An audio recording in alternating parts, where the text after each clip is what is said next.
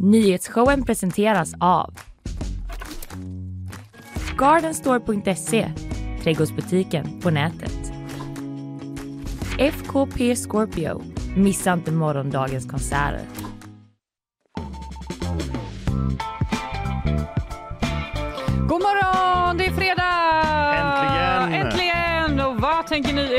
Igen? Ja, det är jag igen, Fanny Wijk. Och det är också du igen, Det är också Victor jag igen. Välkommen tillbaka. Tackar, tackar. Sen igår. Ja, jag fick mer smak. Eller hur? Vad bra. Det är ju den 12 maj idag. Mm. Tiden rasar fram och eh, Kalle Berg ligger fortsatt hemma och kryar på sig så quizet det kommer utgå.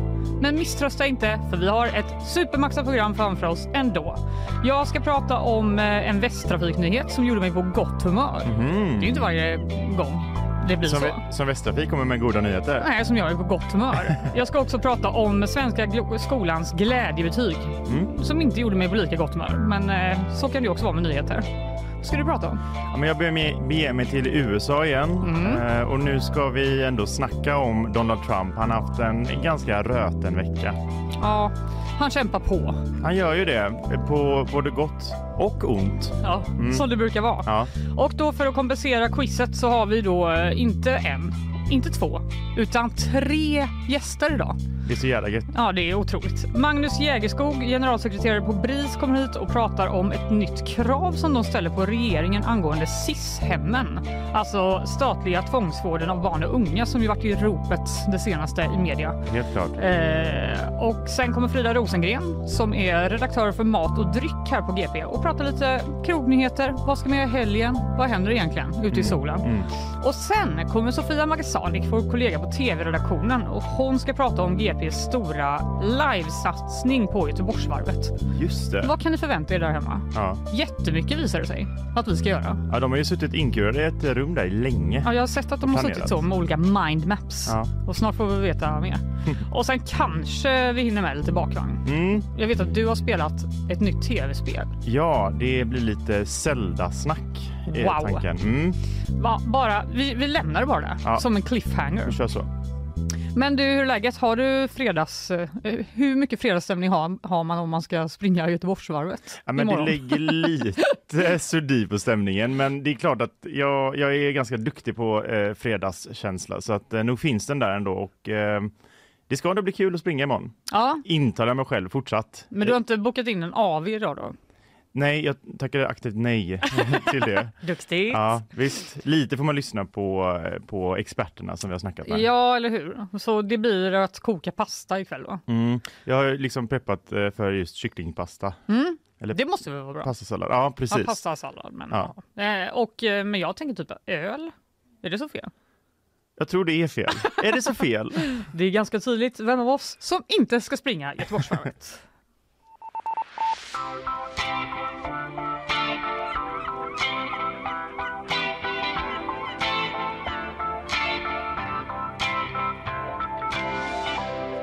Vi dyker in i framtiden. Vi hoppar. Ja, framtiden är här. Man kan blippa bankkortet på spårvagnen nu, läser jag på g.se. Och bussen. Ja, uppenbarligen. Allt som eh, Västtrafik eh, äger tänkte jag säga. Jag vet inte varför det gjorde mig på så gott humör, men jag kände bara Gud vad trevligt. Alltså alla sådana lösningar som gör livet enklare Mm. är så himla trevliga. Nu kan du bara blipp, blippa ditt eh, kreditkort tänkte jag säga när du hoppar på eh, 16-bussen. Precis. Du ska, eh, man behöver inte ens gå in i någon app alltså. Man behöver inte gå in i någon app eh, eh, för att köpa en biljett. I alla Börja fall inte då. direkt. Ja, exakt. I alla fall inte vi som åker i zon A. Okej. Det är ju en ganska stor zon, Mm. men eh, utanför den verkar det som att man fortfarande... Det, det är ganska cleant det här hittills.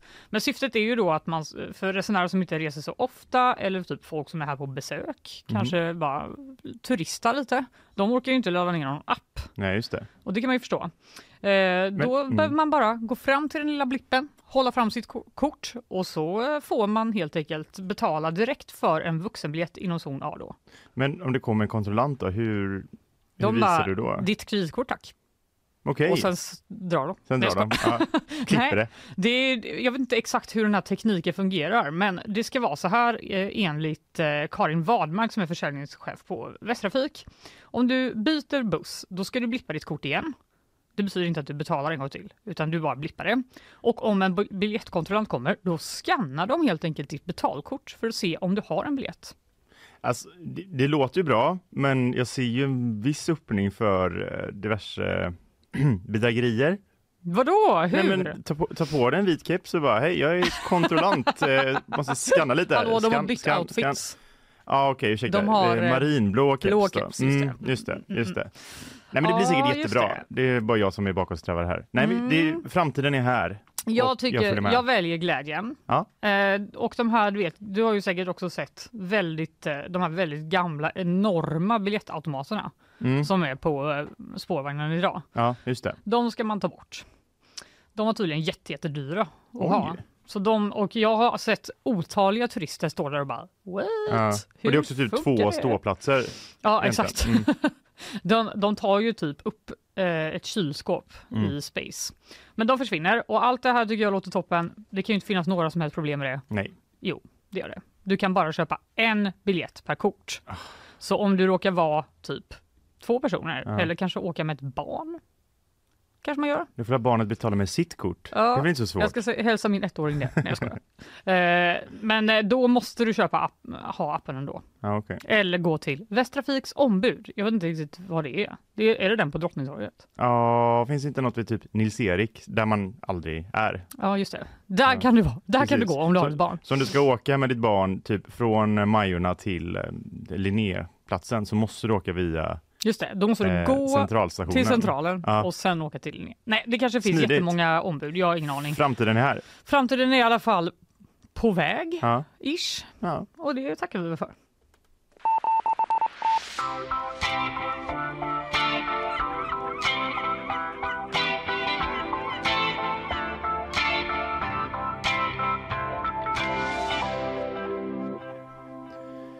ja, men eh, ska vi då eh, snacka om den republikanska elefanten i rummet?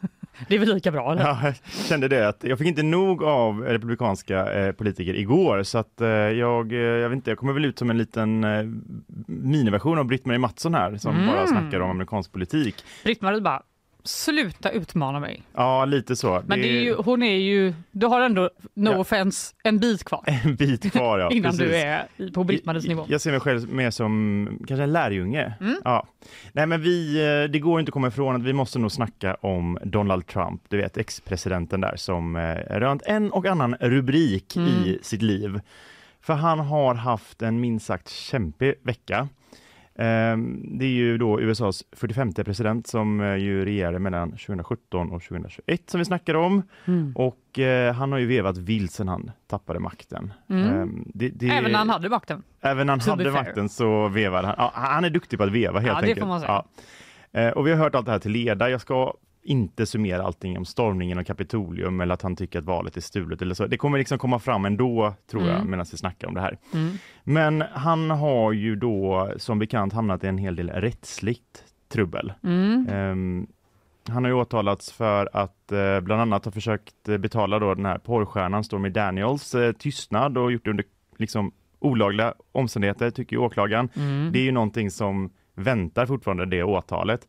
Men eh, han har varit med i ett annat fall nu i veckan ehm, där ehm, han då faktiskt fälldes Mm. Eh, och det är ju eh, en eh, kvinna vid namn E. Jean Carroll som ju har stämt honom då. Och då är det, hon anklagar honom för våldtäkt på Mm. 90-talet i ett ja, provrum, omklädningsrum i en finare lyxvaruhus Mhm. typ. Och eh, den här eh, rättegången då har ju pågått i, eh, i ett, ett tag och eh, tog ju ja, slut nu då. Och eh, det var en anonym jury som röstade för att eh, förvisso fria Donald Trump då från våldtäktsanklagelser. Men man har fällt honom för sexuella trakasserier. Mhm. Och eh, det här är ju lite speciellt då. Dels har ju då eh, den här juryn varit anonym. och Åklagarsidan har också uppmanat eh, juryn att förbli anonym, att inte säga till någon att eh, Mm. hörru, jag var med i den här eh, Trump-juryn. Det är inget att skryta om. Nej, kanske mer för att eh, det finns en del ja, followers som Mm. ehm, kan eh, få för sig ett och annat. Mm. Men eh, han dömdes alltså för då sexuella trakasserier och han har själv inte varit med och vittnat i den här rättegången utan han Mhm. hävdar ju hela tiden att han inte ens vet vem den här kvinnan är, alltså E. Jean Carroll. Just det. Han utan- har, aldrig, han har ingen aning. Han har aldrig träffat henne säger han. Nej, han han påstår det. Mm. Samtidigt känns han också som typen som kanske inte har så bra koll på alla kvinnor han har träffat. Nej. Han verkar inte lägga så stort värde vid det. Ehm, Ja. I en känsla då såklart. Det är en känsla Ja. som du har i alla fall. Ja, precis, precis. Mm. Ehm, och det är ändå ganska viktigt att tänka på den här domen att det är ett civilrättsligt mål som han har dömts för. Mm. Eh, Det innebär att eh, staten egentligen inte är involverad här utan eh, han kommer inte hamna i fängelse någonting för det här sexuella trakasseriet Mhm. eller inte ens få böter utan, utan det är liksom en privatperson som har stämt en annan privatperson sagt så här, du har gjort det här Mm. och då avgör rätten om, om den här eh, E. Jean Carroll har rätt då. Till skadestånd. till skadestånd, precis. Så att hon eh, har ju då dömts att hon ska få 5 miljoner dollar av Donald Trump. Fem miljoner dollar. Ja, precis. Det rapporterar ju jättemånga eh, amerikanska medier. Det är ändå en slant. Och, eh, det är ju ändå en slant. Och om det inte är nog med det här så är det ju ännu fler rättsliga fall som väntar den här aspirerande presidentkandidaten också. Han Mm. har ju sagt att han ska ställa upp i valet 2024. Just det. Eh, Men eh, det är ju också så att det håller på att utredas om hans inblandning i den här stormningen då av Kapitolium som jag sa att jag inte skulle prata så mycket om. Mm. För att vi Svårt snackar- att inte nämna den. Ja, det är svårt att inte nämna den. Mm, och eh, ja, det är, sen är det det här med hans bokföring och hans skatter och liksom hur det har gått till. Han Mm. Har väl typ inte betalat skatt, är det väl eh, många som anklagar honom för. Och så har han haft lite hemliga dokument på ställen man inte ska ha. Just det. Mar-a-Lago. Eh, Mar-a-Lago, Ja. det, ja, det låter liksom, ja, eh, det, det är som en härva helt enkelt. Mm. Ehm, och det har ju bara fortsatt, alltså egentligen så kan man tycka att det jag kommer nu med den här domen, det är ju gammal skåpmat, det var ju redan i början av den här veckan. Mm. Varför pratar vi om det på en fredag? Viktor, hallå! Ja, kom med i matchen. Mm. Nej, men han har ju rönt ytterligare rubriker då, för att eh, det, han, han har sammankopplats med liksom en, gam, en gammal ärkefiende till honom själv, om man skulle Mhm. fråga honom. Han har nämligen varit med i tv-kanalen CNN. Ja, just det. Det är ju fel kanal. Det är ju fel kanal, han är ju mer Fox News-kompis då. Mm. Eh, CNN var ju under hans presidenttid ganska eh, hårda mot Trump. Mm. Eh, de tog ju en liberal ställning där kan man säga, var lite mer pro Demokraterna. Det kan ju tv-kanaler vara på ett annat sätt i USA än vad det är här i Sverige där Mm. man ju hela tiden ska vara i sin journalistik, opartisk, saklig, Japp. allt det där. Men då för första gången, i alla fall enligt TT sedan 2016, så har nu Donald Trump varit med i en intervju i CNN. Mhm. Och då var det en slags, eh, det kallas för eh, town hall event typ. Mm. Och då är det att eh, en väldigt så här, meriterad journalist sitter där med Donald Trump och så är det med, framför en publik då. Och då är det Mm. publiken som mer eller mindre ställer frågorna. Oj, vad Ja. läskigt. Ja, det är läskigt. För honom alltså. Sen så tror jag nog att eh, många där vill ju kanske se Trump. Att Ja. eh, det är nog liksom inte vem som helst som får sitta i den publiken, utan, utan det är nog ganska så här, ja, man, man har tänkt efter liksom. Ja, det är inte typ att alla sitter och attackerar honom eller bara, bara älskar honom, utan de Nej. har försökt få till någon slags mix. Precis, precis. Mm. Men eh, bara för att beskriva hur speciellt det här är då, så, så Trumps syn på CNN har ju varit innan att det- han delade ett ganska så här känd GIF under sin tid som president. Där det är liksom, ja verkligen, i, på Twitter då, där det är en eh, wrestlingmatch då, där Jaha. det är en, en kille som blir väldigt rejält nedslagen av en annan. Ja. Och då har han liksom bytt ut ansiktet på den nedslagna killen mot CNN-loggan. Alltså det är så han har känt för den här kanalen. Så det är ju många som undrar så här, varför Ja. vill CNN ha med Trump och varför vill han vara med där liksom? Och då under den här intervjun då som var tillsammans med CNN-journalisten Caitlin Collins så ja, han eh, körde på med sitt ga- gamla vanliga mantra men liksom på steroider på något sätt och liksom hittade på saker och upprepade saker om liksom valfusk och kom med Mm. nya utfästelser om vad han skulle göra om han blev vald på nytt som eh, många nog ändå uppfattade dels det är konstigt att det låt, äh, hörs i CNN och inte typ Fox News eller något annat ännu mer konservativt Mm. kanal. Truth Social. Ja, men typ. Mm. Men också, han sa ganska så här speciella grejer. Han, han kan till exempel tänka sig att det skulle vara tillåtet för migranter att ta sig ifrån sina barn om de kommer in i USA eh, Mhm. olagligt. Det är ju någonting som liksom har förbjudits. Um, ja, men, men det, det, det, ja, det, det, kan han tänka sig kika på, i, berättar han där i CNN. Han tycker också att eh, alla demonstranter under stormningen av Kapitolium borde bli friade, eller i alla fall pardoned. Mm -hmm. Det är liksom, de värnar ju bara om demokrati menar han på eh, här. Sen så har han inte heller, han har verkligen eh, dansat på svaret om ett nationellt abortförbud. Mm. Men det verkar helt klart finnas i kortleken för honom att eh, det kan införas om eh, det skulle vara så att han får eh, röster på det, i känslan här då. Mm. Och sen såklart så eh, pratar han om han skulle acceptera valresultatet 2024. Mm. Och det kan han tänka sig om han vinner. Ja, ja. Men, det var ju bra. Ja men visst, annars så, annars så var det långt ifrån eh, säkert. Och sen på ett klassiskt Trump-manér så får han ju nästan allting att handla om sig själv. Vi, vi, kan väl lyssna lite när han får en fråga om stödet till Ukraina, hur det lät i CNN. Her question is Would you continue to give Ukraine money and weapons if you're elected? Uh, What's the answer? I have a very good relationship with uh, President Zelensky because, as you know, he backed me up with the, with the phony uh, impeachment, impeachment hoax number one, when he said The president didn't do anything wrong. So I happen to like. So I happen to like. Yeah, that's right. And it, it, was. I was totally exonerated, by the way. Just a waste of time and money. Ja, så att. Eh, mer eller mindre, Trump, kommer du fortfarande stödja Ukraina? Kommer USA stödja Ukraina om du blir president?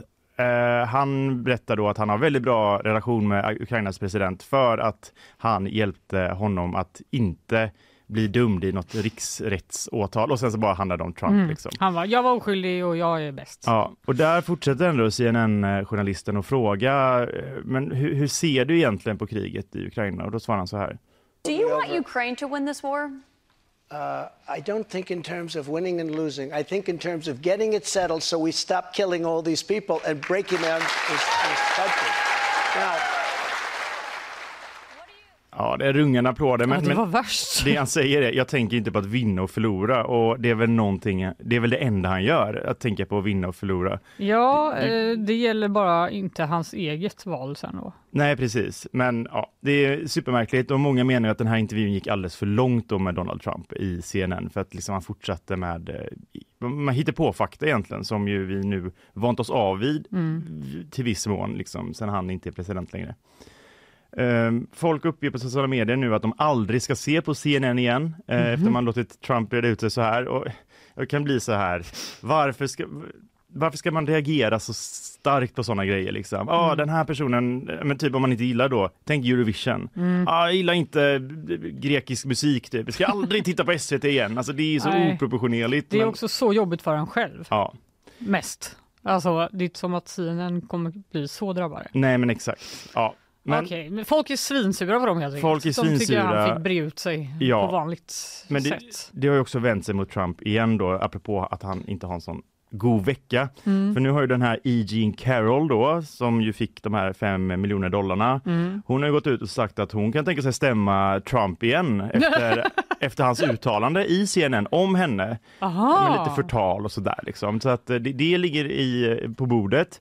Samtidigt som Trump då har gått ut med att han kommer överklaga den här domen från tidigare i veckan. Och nu har också en hel del republikaner börjat bli besvärade av att eh, Trump dundrar vidare som han gör. Mm. Det är en rad senatorer i senaten då som uppger att de har svårt att se att de ska stötta honom i kampen om presidentposten. Mm. En av dem säger att eh, det ser väldigt svårt ut just nu för Trump att locka nya väljare eh, som inte är del av hans väljarbas då, alltså den eh, konservativa kristna högern. Och allt det här summerar väl upp att eh, Donalds eh, vecka har inte varit, eh, jag har haft en bättre vecka känner jag spontant. Mm, alltså verkligen, även om du skulle springa varvet på sex timmar som mm. du var inne på igår. Så kommer jag ha en bättre så vecka. kommer du ändå ha en bättre vecka. Men han får väl ta och vila upp sig lite nu i helgen, kanske spela lite golf, eh, för mycket pekar ju på att de kommande veckorna inte kommer vara en dans på rosor heller för honom. Nej. Det får vi följa vidare helt enkelt. Någonting säger mig att vi kommer att göra det.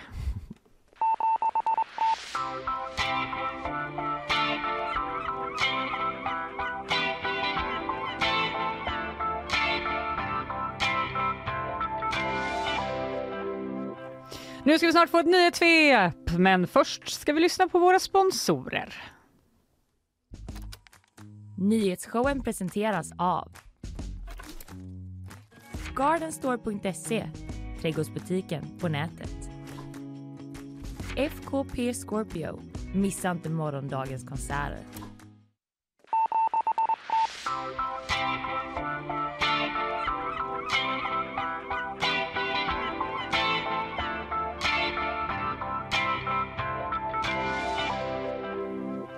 Isabella Persson! God morgon på er. Hur är läget? Det är bra. Har du fredagskänsla? Ja, det Ja. har man väl alltid på en fredag. Alltså typ, ja, det har ju hänt att jag har vaknat och bara, ja, det är väl onsdag. Ja. Men i morse, då kände jag, Woho! det är fredag. Jag har ju faktiskt, jag var ju ledig i början av veckan, så jag har ju haft en liten kortare vecka. Just det, Mm. du är jätteförvirrad. Mm. Vad Så gött. det är gött. Men du har i alla fall lite nyheter med dig. Det har jag. Underbart. Igår kväll bröt flera skogsbränder ut runt Partille. Vid halv sex kom larm om två bränder i området runt Brattefjäll och bara timmar senare larmades man till Furulund. Under natten har man inte kunnat arbeta med släckningsarbetet utan istället har räddningstjänsten varit på plats för att bevaka elden. Men under morgonen har man skickat ut fler resurser för att få elden släckt och man räknas vara på plats under hela dagen. De stridande parterna i Sudan har kommit överens om bland annat att släppa in humanitärt bistånd samt återställa elen och vattnet i landet. Detta rapporterar Omni och hänvisar till bland andra CNN. Parterna har skrivit under riktlinjer för att skydda civila i landet som omfattar flera åtgärder och nästa steg i detta är nu att förhandla fram ett eldupphör för att hjälpen ska kunna nå fram. Vid sjutiden igår kväll ska tre personer gått till attack mot en man i 45-årsåldern i Melleruds kommun. De ska ha slagit honom i huvudet med någon form av tillhygge och därefter rånat honom. Några timmar senare kunde polisen gripa de tre männen och man utreder nu också om det kan vara samma personer som tidigare under dagen brutit sig in hos en man i Dals Ed. Mannen som väcktes av inkräktarna ska ha hotats med ett pistolliknande föremål och misshandlats med sparkar och slag. Polisen rubricerar i nuläget händelsen som grovt olaga hot, grovt hemfridsbrott, grovt vapenbrott samt grovt misshandel. President Zelensky stoppas från att hålla tal under Eurovision-finalen på lördag. EBU som står bakom sändningen förklarar att en av grundpelarna för tävlingen är att den är icke-politisk och förbjuder politiska uttalanden under tävlingen. Eurovision genomförs i år i Liverpool eftersom Ukraina som vann förra året inte kan arrangera tävlingen på grund av kriget. Oj! Mm. Varje nyhet du läste jag bara, oj, Mm, oj! verkligen. Men de här skogsbränderna, Ja. är inte det, jag får såna stress eh, påslag att det ska bli en sån sommar igen. Ja, men det är verkligen 2018-vibes. Eller Ja, hur? Det har ju är så rapporterats torrt nu. innan att det ska vara 2018 Mm. värme hela sommaren också. Alltså man gillar ju eh, lite sol men man gillar ju inte när allt brinner ner. Nej, Liksom. Det är nej. jätteobehagligt. Jag tyckte också att det luktade typ brandrök i stan nu när jag cyklade till jobbet. Det måste ju nästan vara de här Partillebränderna i så fall. Kan det nog absolut vara. Ja, det är ju inte så långt från oss Nej, faktiskt. verkligen. Men eh, så ni får faktiskt eh, vara försiktiga Ja, där det ute ska om ni ska vara. vara ute och grilla i helgen när det ska bli så varmt. Kanske undvika att grilla i skogen. Kanske Mm. undvika Mm. det faktiskt. Mm. Det ser ut som att det kommer bli lite regn i början av nästa vecka. Kan man ju tänka så här, gud vad trist. Men kanske också, Ganska bra. Vi kanske behöver Mm. det. ja, vi får väl se. Förhoppningsvis så eh, släcks väl de här bränderna inom en mycket snar framtid helt enkelt. Ja, det hoppas vi.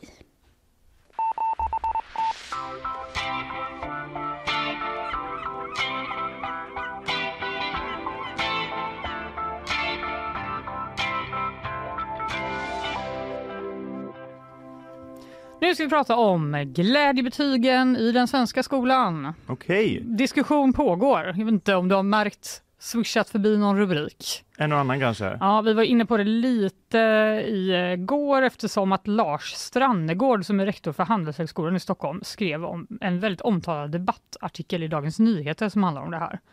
Glädjebetygen i den svenska gymnasieskolorna gör att det är tveksamt om betygen går att använda som intagningsgrund till högre utbildning, skrev han bland annat. Oj då. Och de här glädjebetygen det är ju helt enkelt då att vissa skolor har satt i system att ge mycket högre betyg till sina elever än vad de får på eh, nationella proven. Och faktiskt även i andra ämnen som inte, liksom, typ estetiska ämnen och sånt, Mm. som inte nationella proven testar en i. Ja, okej. Det råder en slags inflation Ja. helt enkelt där ute och eh, det här gör ju då att eleverna som går på sådana skolor, de konkurrerar ut andra, kanske mer då lämpade elever när man söker attraktiva utbildningar efter gymnasiet. Och det här är inte bara otroligt orättvist som Strannegård eh, skriver, utan gör såklart också att de högre lä- lärosätena får in elever som inte har tillräckliga förkunskaper och det sänker utbildningens kvalitet i stort och i förlängningen hotas Sveriges status som kunskapsnation. Oj, oj, oj, det är ganska, det är ganska allvarligt. Lars Strannegård är jätteorolig som Mm. du hör. Jag blir orolig. Ja, jag blir också lite orolig för att eh, det är klart att det är inte bara eh, enskilda elever som drabbas av det då, utan det är hela skolan som är i någon slags eh, kris enligt honom då. Och nu säger han att på Handels, då, där i Stockholm är det här då, Mm. där överväger man att, göra, att införa intagningsprov istället för att ta in på betyg Oj, för att se till att folk har rätt kunskaper. Man överväger också att rödlista skolor som har kritiserats av Skolinspektionen och att helt överge det nationella antagningssystemet till kandidatstudier till förmån för en egen antagning. oj, det känns lite old school på något sätt. Eller hur? De är så här, ja. Framtiden vi... är inte här. Nej, framtiden är verkligen inte här. Vi kan inte lita på det här systemet, säger Nej. han. Vi, det går inte. Eh, och det här har ju såklart fått eh, politikerna att reagera Mm. på olika sätt. Vår skolminister, liberalen Lotta Edholm, hon säger till TT att hon är glad att fler reagerar. Ja, Fler än hon kanske? Ja. Det är oklart, men det tycker hon är bra. Alldeles för många elever får ett betyg som inte speglar de kunskaper som de faktiskt har. Hon säger också att regeringen nu då överge, eh, överväger att göra det lättare att dra in tillståndet för skolor som sätter glädjebetyg. Det är ju ändå en ganska så Ja, det- skarp eh, markering. Eh, markering som övervägs. Hon säger också att regeringen vill komma åt det här då via lagstiftning. Det ska inte vara möjligt att sätta kursbetyg som skiljer sig avsevärt från resultaten på de nationella proven, säger hon. Eh, det är vår skolminister. Mm. Vi har också en utbildningsminister. Vad är skillnaden? Ja, det vet jag faktiskt inte. Nej. Jag har inte aldrig tänkt på det innan, men eh, det är uppenbart någon skillnad. Men Ja, båda verkligen. kan något om skolan. Vår utbildningsminister heter ju Mats Persson, han är också liberal. Och han var med Aktuellt igår. Han beskrev det här som ett mycket, mycket allvarligt läge, men frågan vi alla ställer oss är, vems fel är det egentligen? Jag tycker att den som, den, som kan, den som har kunskap den ska få komma in på en utbildning och det ska vara ett rättvist system. Och det har vi inte i Sverige idag. Och det vilar ju ett oerhört tungt ansvar på tidigare regeringar, Socialdemokraterna under åtta års tid som inte har gjort någonting för att komma, göra någonting åt de här problemen. För det här är ju inte någonting som vi just idag har fått information om. Det är någonting vi har vetat väldigt, väldigt länge. Det är sossarnas fel! Ja, det är andra politiker. Ja, Såklart. Det kunde man ju inte tro. Nej, Eh, tänkte inte på det. Nej, eller hur? Jag upplever dock inte att Aktuellts programledare Jo Nilsson var så jättenöjd med det svaret. Eh, Om man just då ska fördela ansvar där så tänker jag att ni har ju sutt, det är ju ett problem som har varit känt i 15 år, över 15 år. Då har ni haft skolministerposten, Jan Björklund har haft den, ni har suttit i regeringen mellan 2006 och 2014. Ni har sedan samarbetat med den socialdemokratiskt ledda regeringen och nu då så sitter ni i regeringen själva igen. Eh, ert ansvar som Vårt ans- Liberalerna, hur ser du på det? Shots fired! Mm, verkligen. Men det är ju som vanligt. Eh, Vems fel är det? Det är någon annans fel. Men vad ska ni göra då? Men det är någon annans fel. Ja, men det är någon annans fel. Men de har ju ändå lite planer. Mats Persson får ju dock berätta, liksom, berätta vad Liberalerna har på gång helt enkelt. Nej, vårt ansvar nu är att vi, vill ju, vi vänder ju nu utvecklingen. Vi lägger om politiken. Och det vi gör nu är att vi påbörjar före sommaren ett lagstiftningsarbete som handlar om att betygsätt, betygssättningen ska inte kunna avvika allt för mycket från de nationella proven. Ja, det var ju det Lotta Edholm var inne på eh, då. Skolministern. Just det. Skolministern och utbildningsministern de säger vi kommer göra om vår politik nu. Vi ska utreda det här, vi ska eventuellt lagstifta så att det inte går att hålla på och sätta betyg helt randomly. Liksom. Men en fråga då är ju Mm. hur det blir med de här betygen där det inte finns nationella prov. Alltså, Ja, ska, de precis. införa nationella prov i bild typ? Nej, men de säger Hur faktiskt... bra är du eh, på att rita med kol? Det är ju väldigt oklart och det, de, hon får den här frågan, bland annat i DN läste jag, att eh, de var så här, men hur ska ni göra med de andra ämnena då, Mm. typ hemkunskap och bild? Och då hon säger ja, vi ska utreda det. Skönt. Vi ska utreda Ja, men det. då Det så. kanske går att få in det Varför oroar jag mig? du behöver inte oroa dig. Eh, men vad tycker oppositionen då? De har ju också något att säga va? Åsa Westlund som är utbildningspolitisk talesperson för Socialdemokraterna, hon beskriver glädjebetygen som en fara för samhället och att eh, det, hon jämför det med korruption. Mm. Eh, hon menar ju då att det går inte att komma åt det här problemet i grunden om inte Sverige gör slut med marknadsskolan. Just det. Det är friskolesystemets fel. Betygsinflationen sprider sig från friskolor till kommunala skolor eh, eftersom de måste jaga elever och skolpeng på samma marknad. Just det. Ja, men det här låter ganska bekant alltså. Ja, det här är ju verkligen eh, en återkommande valfråga och så Mm. vidare. Och som sagt, som de sa i Aktuellt, vi har ju vetat om att det är så här Mm. i 15 år. Det. det. är bara att nu seglar det liksom upp igen i, i spotlighten. Och betygsfiffel, det har blivit ett lockbete för att locka till sig fler elever och därmed skolpeng, menar Westlund då, säger hon till TT. Ja, det låter rimligt. Men hur vanligt är det då? Ja, i våras så kritiserade Skolinspektionen flera gymnasieskolor som inte kunde förklara varför kursbetygen skilde sig från betygen på nationella provet. Och Skolinspektionen har granskat 30 rektorers arbete för att motverka då för höga betyg på gymnasieskolor i Sverige. Alla dessa 30 fick sämsta möjliga omdöme. Nej. Inga glädjebetyg delades ut av Skolinspektionen överhuvudtaget. Nej. De sa ursäkta, men ni är faktiskt sämst på det här. De kunde inte motivera varför eleverna hade högre betyg eh, än vad de skrev på det nationella provet och de hade liksom inget arbete, inget arbetssätt för att reda ut det eller problematisera det överhuvudtaget. Nej. Så ingen av de här slumpvis liksom, valda personerna hade, eh, fick ett bra betyg helt enkelt. Ändå en fingervisning Ja, på eh, verkligen. hur stort problemet är. Och enligt siffror då från Skolinspektionen så har sedan 2015 så många som 27 procent av landets elever fått högre betyg än vad de har skrivit på nationella proven. Det är ju ganska hög Det är ju procent. väldigt hög. I enskilda kurser kan det liksom vara 80 procent. Typ. 80%? De hade ett exempel från en eh, skola i eh, Vänersborg där det var 87 procent, vill jag minnas, så jag har inte skrivit ner det tyvärr, som hade fått ett högre betyg i matte än vad de hade skrivit i nationella proven. Det där är också... Alltså, jag undrar hur man kan sätta glädjebetyg i matte. Det är så himla, antingen så kan Ja, matte är ju väldigt matte, svårt eller- att tolka. Liksom. Exakt. Snälltolka. Ja. Det är ju vad det är. Ja, alltså det skulle vara fyra, men alltså fem var ju nära nog. Exakt. Det är lite svårt att förklara, men eh, om vi nu vet att det är så här, varför fortsätter det och fortsätter det och fortsätter det? Vi ska höra Helene Engmo som är generaldirektör för Skolinspektionen i Aktuellt här. I skollagen så finns det idag inget riktmärke som handlar om att avvikelserna får vara, eh, ja, till exempel då handla om en viss procent i förhållande till, till mellanprov och slutbetyg. Så det är ingen, ingenting som vi kan utgå ifrån. Då, det, enligt skollagen, så även om en skola bara år efter år efter år fortsätter att sätta då högre betyg på eleverna än vad de har skrivit på nationella proven, så kan de inte göra någonting åt det. De kan inte liksom stänga skolan eller så. Och det var ju det som regeringen nu då vill utreda, Mm. att man kanske ska kunna göra helt enkelt. Och det finns ju en till aspekt då och det är Sveriges lärarfack. De har länge då pekat på att det här problemet sitter i själva skolsystemet i sig och eh, det som gör då att skolor konkurrerar om samma elever, det som oppositionen det. faktiskt var inne på.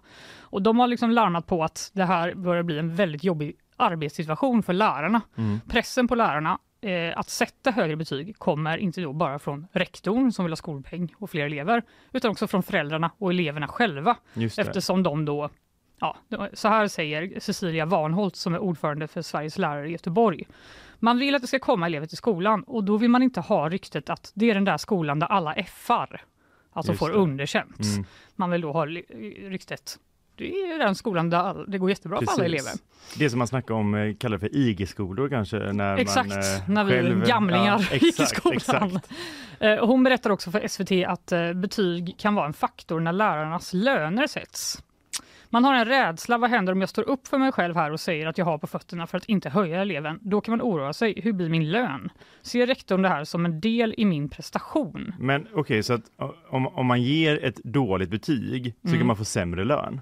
Alltså, Ja, alltså, är rädslan alltså? Hon, det, det rädslan verkar vara det. Alltså det. Då antar jag att de känner att det är så här, ja men du är så duktig för du, alla dina elever har jättebra betyg. Det måste ju Mm. betyda att du är en jättebra lärare helt enkelt.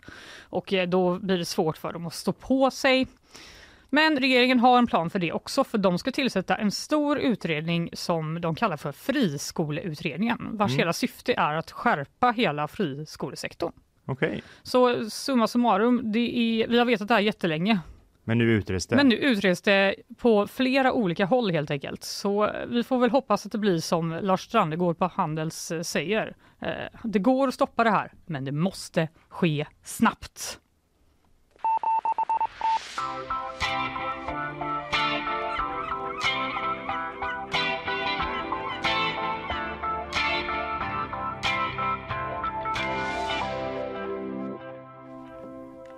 Ja, ingen vila, ingen rast. Nej, vi det är snart eh, gäst. Vår första gäst av tre. Eh, Magnus Jäger, Jägerskog på, från BRIS. Just det, just det. Men eh, vi ska lyssna på lite ord från våra sponsorer först och främst. Nyhetsshowen presenteras av Gardenstore.se, trädgårdsbutiken på nätet. FKP Scorpio, missa inte morgondagens konserter.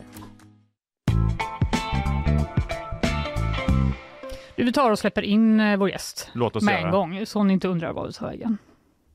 Den statliga tvångsvården av barn och unga på så kallade SIS-hem har ju uppmärksammats stort den senaste tiden efter flera rymningar, larm från facket om att personal utsätts för våld, men också rapporter om att barnen som ska vårdas utsätts för sexuella övergrepp på hemmen.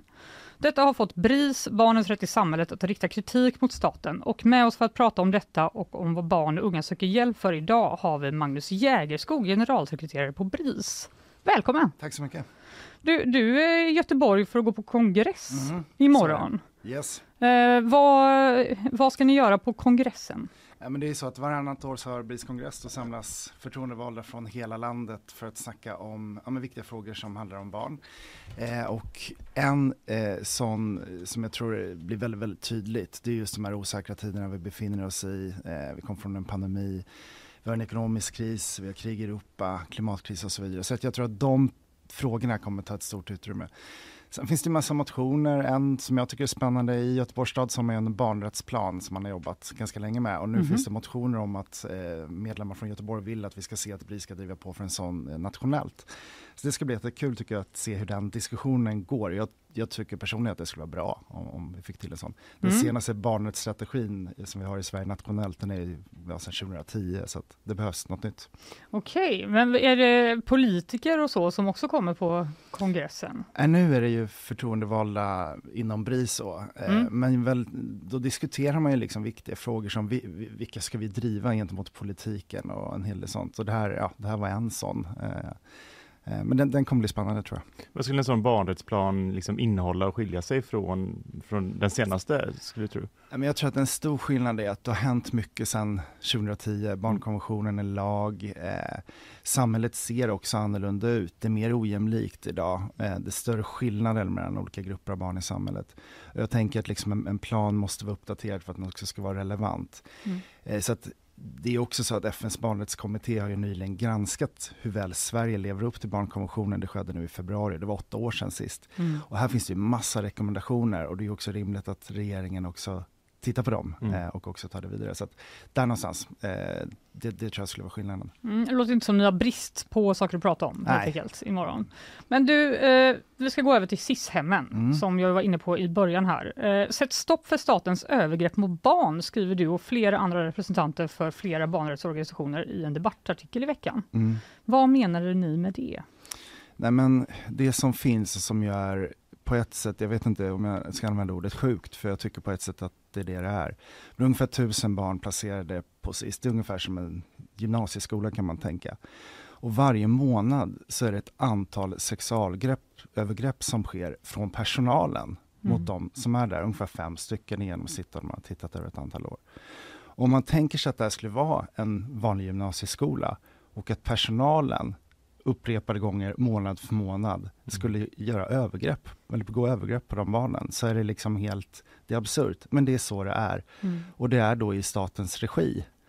Och det är väl den här delen som, vi har ju följt den här frågan under många år, det är flera andra barnrättsorganisationer som också har gjort det. Men det här blir så otroligt tydligt att det behövs göras om i grunden, det funkar inte som det ser ut nu. Men vad beror det på nu? Ja, alltså eh, det är inte helt enkelt att bara säga ett enkelt svar. det är klart att det här är barn som befinner sig i oerhört utsatta situationer, som har varit med om väldigt mycket. Det är kanske de, de mest utsatta barnen i vårt samhälle. Och som också kun, har kunnat gjort saker själva eh, som är brottsliga. Eh, och det är klart, det är ju barn som har ett oerhört stort behov av stöd. Och då måste man också möta upp det eh, på ett sätt. Och därmed misslyckas man helt enkelt. Man lyckas inte göra det på ett bra sätt. Mm. Men här behövs det ju en, en utredning, en grundlig utredning eh, som verkligen går till botten med det här. Det kommer ju ta tid. Men man behöver ju också skärpa tillsynen här och nu från IVOs sida just kopplat till våld, övergrepp och de frågorna. Sen behöver man ju också titta på att eh, ja, avskiljningar, det är att man isolerar barn helt enkelt Mm. som metod. Det här behöver man ju upphöra med. Det är en sån konkret sak som man behöver gå fram med snabbt. Mm. Sen tror vi också att det är viktigt med att barn får egna ombud eh, som kan finnas där för barnet i de här frågorna också. Så att det finns ett antal saker som man skulle kunna göra ganska snabbt här och nu. Mm. Men sen den här stora frågan, men här behövs ett omtag i grunden. Det, det funkar ju inte som det är. Mm. Vad görs mot de här sexuella övergreppen just nu? Eh, Det är ju otroligt många som du beskriver liksom.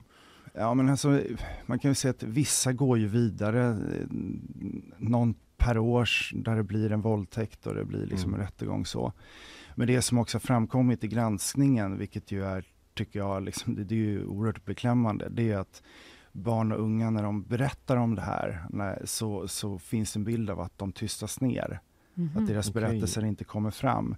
Så att jag tror att det också finns en, en stor del i det här som handlar om att man skulle behöva göra betydligt mer faktiskt än vad man, vad man gör idag. Alltså att de tystas ner inom hem, alltså SIS-hemmen då, Att- att, att- det inte når utanför eh, dem. Exakt, att det stannar inom SIS. Men du var ju inne på det inne där, eh, innan, att det är ju vård som ska Mm. ges, men det finns också kriminella som hamnar där, Mm. minderåriga. Finns det, alltså vad är det för typ, kan man säga någonting om vilka som hamnar på ett SIS-hem, eller är det väldigt, väldigt spritt? Nej men det är ju att, att eh, nej men det, det är ju både då barn som har begått brottsliga handlingar helt enkelt och som ofta har en lång historia av olika placeringar, olika insatser och det här är på något sätt jag ska inte kalla det ändhållplatsen för det är inte en ändhållplats men det är liksom här hamnar barnen där man har testat mycket och, och, och det inte lyckats. Så det är ju en, en kategori av barn med oerhört stora behov som befinner sig i en utsatt situation och som har varit med om otroligt, otroligt mycket under flera år innan de kom hit. Och det är väl det som just också vill betona, att, att man då har en kompetens eh, och en förmåga att kunna möta och ge stöd och inte istället utnyttja deras utsatthet. För det är det som vi tyvärr ser, att, Mm. att det här är ju barn som, eh, som finns där som man då utnyttjar på olika sätt. Mm. För tyvärr då, i, eh, när man pratar om SIS-hemmen nu, så har det mycket handlat om de här rymningarna, Mm. där det har varit barn och unga som har i kriminalitet, Mm. som har rymt och begått nya brott. Och därför så är det ju mycket skärpta straff som pratas om nu till Mm. exempel. Och också eh, förslag om olika visitationszoner. Och det har ni också varit kritiska Mm. mot på BRIS. Varför då? Ja, men, eh, om man läser Tidöavtalet så finns ju en massa, massa olika förslag kring straffskärpningar av, av på längden och bredden höll jag nästan på att säga, men det är mycket repressiva åtgärder. Mm. Och jag tror att den största frågan i det här, det handlar ju om att eh, man behöver titta, menar vi, lite längre. Man behöver kunna titta på vad tror vi och vet vi från forskning, beprövad erfarenhet fungerar för att bryta den här negativa utvecklingen. Och när man tittar då, vi har ju skrivit rapporter, släppte en förra året, Barns rättigheter i skottlinjen, då vi gick igenom med hjälp av forskare, det, vad man vet utifrån evidensen. Vi intervjuade professionen, alltså polis, eh, rättsväsende, socialtjänst med mera. Eh, och liksom den, den röda tråden i allt det här och det man vet fungerar, det är ju tidiga insatser, en meningsfull fritid, få barn att klara skolgången, ett starkt föräldraskapsstöd i riktigt tidiga år. Och det är den typen av insatser som är riktigt viktiga. Mm. Jag tycker också man, jag var själv med i, i Genève när eh, Sverige granskades av FNs barnrättskommitté lite tidigare här då i år. Och de har ju riktat väldigt skarp kritik kring Tidöavtalet och specifikt de här delarna som handlar om att bekämpa gängkriminalitet på olika sätt. Och eh, bland annat om vi tar den punkten som handlar om att man vill se en eh, sänkt straffmyndighetsålder från 15 år. Mm. Här avråder man ju det direkt och säger Mm. att gör inte det. Mm. Och där var det också ledamöter från kommittén som rakt upp och ner till statsrådet i sittande möte sa Madam Minister, är det ert budskap till världen att ni ska låsa in tioåringar i fängelse? Är det ert budskap till världen? Mm. Jag tycker det är en bra fråga. Men är det det då? Nej, alltså om man börjar titta Tidöavtalet så ja, man får ställa sig den frågan tycker jag. Mm. Mm. Ja, det ju, står ju inte där att de vill det. Nej, det står, var, nej, det står att man vill med. utreda en sänkt straffmyndighetsålder, men det är väldigt mycket åt det hållet det går. Mm. Sen finns ju ett, inte ett årtal som nej. är sagt hur, hur, vad, vad det. det. skulle vara. Mm. Men senast eh, igår så upplevde även Socialdemokraterna för att låta kriminalvården ta hand om grovt kriminella ungdomar och ja, regeringen och SD har ju tidigare föreslagit särskilda ungdomsfängelser då. Och det är ju, de menar ju på att det är det här dödliga våldet som drabbar oss idag och även drabbar då barn och unga. Kan inte detta vara ett sätt att få eh, se till att oskyldiga eh, ja, barn inte drabbas av det dödliga våldet? Ja, men jag tror att det är klart att det finns skillnader eh, kring de barn som finns inom SIS, absolut är det så. Men sen så tror jag att också man måste bestämma sig om man vill se, liksom, är det inkapacitering, alltså att man låser in människor för att de inte ska vara en, vara en fara för, för andra? Eller tror vi på riktigt att det handlar om vård, att, att det här ska mm. kunna vara att man ska kunna komma tillbaka till någonting? Mm. Och eh, det, det, tycker jag är kärnfrågan i det här. Eh, är syftet att helt enkelt bara få bort dem från gatan? Vad kommer hända med den unga personen som hamnar i ett fängelse? Ja, den kommer nog bli stark tyvärr i sin kriminella bana. Mm. Och det är, någonstans så tror jag att det är lätt i, när man tittar på gängkriminalitet, det våldet som vi ser på gatorna kopplat till det, att man skriker högre straff, lås in. Mm. Men all beprövad erfarenhet, all forskning visar ju på att om man låser in unga personer på fängelser i tidiga år så är det en skola för kriminalitet. Mm. Det, är, det är en kortsiktig lösning men risken är att man får en stor baksmälla för samhället också som går i motsatt riktning. Och den här diskussionen tycker inte jag finns i politiken idag. Nej, men så ni är inte liksom för att man skulle separera unga som är i kriminalitet och unga som är på SIS-hem av andra skäl? Eh, på det, hemmen liksom? Jag tror att det, det, är en fråga man behöver utreda och gör, gå i botten. Och det är inte de, det som vi tittat om nu på övergreppen på SIS, det är en delvis annan fråga som vi gått mer, mer i djupet på. Men det, det är en fråga som man behöver dissekera tänker jag och utreda och se ja, men vad, vad skulle en rimlig fördelning i så fall kunna mm. vara. Men det finns någonting i det här att barn är fortfarande barn även om de begår brott. Jag tror att det finns en samhällelig princip om vi, om vi ger upp om det. Eh, vart hamnar vi då? Jag tycker också i frågan om sänkt straffmyndighetsålder, eh, det är också i debatten som förs kring det så handlar det väldigt mycket om gängkriminalitet. Mm. Men man kan inte sänka straffmyndighetsåldern för en brottskategori eller en brottstyp. Då gör man det generellt. Mm. Ja, just det. Och är det då meningen att vi ska i ganska stor omfattning, skulle det ju liksom teoretiskt då kunna bli, placera barn i fängelse. Mm. Jag ställer mig frågande till det faktiskt. Mm. Men du, BRIS årsrapport, mm. den kom i eh, mars och den visar då att samtalen från barn till BRIS fortsätter att öka. Och förra året hade ni över 44 000 kontakter med barn som sökte stöd och hjälp. Så mm. Det var en ökning med 7 procent. Vad beror den ökningen på? Vet man det? Ja, men jag, vi, vi, ser ett högt tryck hela tiden och samtalen ökade kraftigt förra året och nu i år ökar de ännu mycket mer. Mm. Och eh, rapporten heter ju Osäkra tider och den beskriver just det här scenariot. Vi kommer från en pandemi. Eh, Ryssland anföll Ukraina för lite drygt ett år sedan. Vi ser en ekonomisk kris. Och sen har vi också en klimatkris. Den är inte ny, men den eskalerar. Mm. Barn berättar allt mer om klimatångest. Och jag tror att många av de här olika delarna gör att, att man tappar tron lite på framtiden. Eh, det påverkar ens mående, psykisk eh, ohälsa. Och det är just i de kategorierna av samtal som det har ökat otroligt mycket eh, under fjolåret och under många år. Mm. Men jag tror att sammantaget, det finns ett väldigt stort stödbehov bland barn och unga. Det tror jag är huvudorsaken. Sen har vi också försökt stärka vår kapacitet för att kunna möta fler barn och ungdomar och det är också en del av, av, av svaret. Så. Mm. Mm. Hur ska hur, de här orostankarna som många barn och ungdomar har, hur, hur, ska vi liksom vuxna då som har liksom barn och ungdomar i närheten, hur ska vi liksom tackla den oron och ja, kunna hjälpa dem? Nej, men jag tror ju väldigt mycket på att sitta ner och kunna samtala och kanske inte överföra sin egen oro. Mm. Vi har ju fått många samtal från barn kopplat till elpriser. Eh, ska jag Mhm. duscha kortare för att spara el till familjen för vi har inte råd? Den typen av frågor. Eh, och det är klart, där, där, ehm, det finns ju också en, en, en oro som vi vuxna kanske överför till, till barn i våra familjer ehm, kring läget. Och det är ju för att man själv är orolig. Man har, själv som vuxen har inte alla svar. Och det där tror jag är en viktig del i samtal med barn och unga. Man behöver inte alltid ha alla svar, utan det handlar om att kunna finnas där, lyssna och ställa frågor eh, och, och, prata, och, och prata mycket. Det är ju en, det är en grundregel i kriser, så är det. Just det. Men jag tänker att är det här typ ett ämnen som man ofta tänker att barn inte förstår? Alltså det är krig, det är matpriser, det är elpriser, det är klimatförändringar. Tänker man att kanske så här, det, vi kanske pratar om det, men de kommer inte snappa upp eh, från vuxenvärlden. Liksom.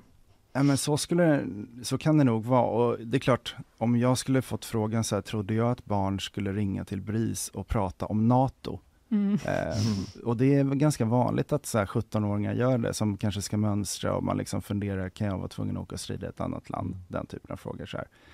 så det finns en naturlighet i, i det kanske att vi inte nog förutser liksom att barn ska prata om dem. Men det som är otroligt tydligt, och det vill jag understryka, att det som sker i samhället, det påverkar barn på så många olika sätt och det ser vi väldigt, väldigt tydligt eh, i, i samtalen. Mm. Ja, det är tung, tunga ämnen även eh, verkligen. hos barnen helt enkelt.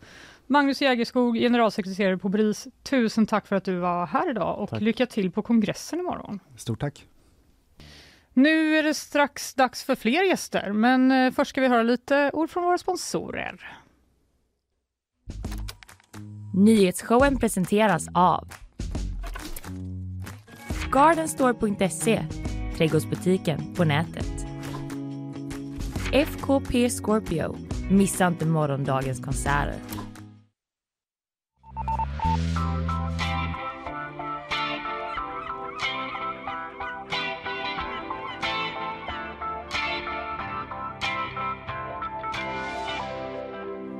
Nu ska vi se om eh, vår kollega Sofia Magasanik är här, som Mm. ju jobbar på tv-redaktionen och som vi pratade om innan, att vi har sett dem sitta instängda i ett litet, litet rum Ja, det är länge. Ja, men det är lite så som jag har tänkt nästan, du vet, Palmeutredningen har varit. Alltså det, det har ju varit liksom så här snören Det och har bilder typ och, varit det. Ja visst, det har snackats om eh, liksom olika kameravinklar och liksom... Ja, herregud. ja, men, det, det är eh, nästan bara ett mordvapen som fattas.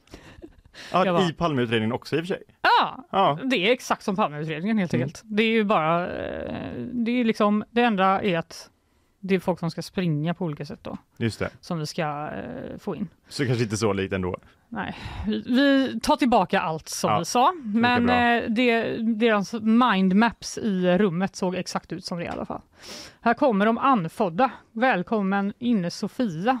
Nu ska vi eh, helt enkelt fråga dig olika saker för att imorgon är det ju dags för Göteborgsvarvet. Precis, så det kanske passar att jag kom in lite andfådd. Ja, så fick du en mick också. Just det. An- har du sprungit hit? Precis, jag testade i morse att springa hela varvet. Ja, vad bra. Som jag gör. Vi, vi har sagt att vi har sett spionerat på er när ni har suttit där inne i det det här eh, rummet. Jag trodde vi var så hemliga. Ni var inte, jo, ni var hemliga, men vi såg att ni var där. Mm. Och för vi på GP kommer bevaka varvet på supermånga sätt, inte minst med en jättemastig tv-sändning som du ju programleder. Jajamän, stämmer. Vad kommer man få se i den här sändningen först och främst? Alltså, var ska jag börja någonstans? Men, eh, Från början. Nästa fråga tack. Nej, ehm, nej, men dels så kommer vi ha en studio, precis, eh, ja, väldigt eh, synligt förhoppningsvis. Eh, den kan man titta på, men det är ju roligare att titta på eh, gp.se då, där vi kommer sända i fyra timmar, 12.45 till 16.45. Eh, Så kommer vi ha lite så här goa gäster, Niklas Andersson, massa internationella och nationella elitidrottare. Eh, kul att jag bara namedroppar en, men jag tänker att det blir en bra så här cliffhanger. Bara, Teaser, liksom. Ja, precis, Mm. exakt. Vi vill veta mer! Säg Ja. fler namn! Säg fler namn! Eh, Niklas Andersson är alltså komikern. Ja, precis. Va, varför ska han komma dit? Man, eh, medelmåttan från hissingen liksom. hur kan man inte älska För att ni tycker det? han är god bara? Ja, men han är god. Ja? Eh, Nej, men sen så har vi, nu ska vi se här, Emma Gren och vi har, eh, alltså förlåt men det är så många namn och jag lovade att jag skulle komma in och namedroppa här liksom. Ja, men du behöver inte Mm, namedroppa tvåan då? Ja, Det precis, takt av typ eh, 10, 15, 20. Ja, Nej. Det får man titta imorgon helt enkelt. Ja, precis. Och sen så kommer det finnas stadsdelskamerorna som kommer vara tre ute på stan och målgången. Eh, där kan man se sig själv springa förbi eller liksom kolla in så här, har grannen löptränat så mycket som eh, jag trodde att han gjorde? Nu kan jag se honom springa förbi en av de här stadskamerorna och de kommer rulla hela Mhm. tiden, men vi kommer också kika på dem i sändningen liksom och kanske inte recensera löparna, men recensera liksom publikfesten. Var är de liksom utplacerade då längst, alltså på Ja. olika ställen helt enkelt där man springer? Precis, exakt. Vill du tisa något ställe så att man kan liksom göra en snygg pose när man springer förbi? Jag vill jättegärna veta det. Viktor behöver öva på den springposen Just. som är svår faktiskt att naila. Men jag tänker Ja. jag kan avslöja för exakt alla andra förutom Viktor. Ja. Eh, Håll för öronen då. Okej, jag håller för öronen. Eh, nej, men bland annat så kommer det vara en i, eh, en i city, vilket låter otroligt eh, allmänt. Ja, det var en svag ledtråd. Ja, precis. Alltså, jag vill bara säga det, all information finns på gp.se. Om Vi ni- ska lägga en länk på Instagram sen ifall ni Ja, precis. Nej, men det finns, dels så finns det om man går in på ettan då, alltså på gp.se. Mm. Så finns det en balk där det står Göteborgsvarvet och där hittar ni liksom allt. Vi har ju förutom information om de här stadsdelskamerorna som kommer finnas som länkar på, på sajten, så kommer ju också så här, äh, perfekta löpsteget. Just Viktor, det. Titta på det.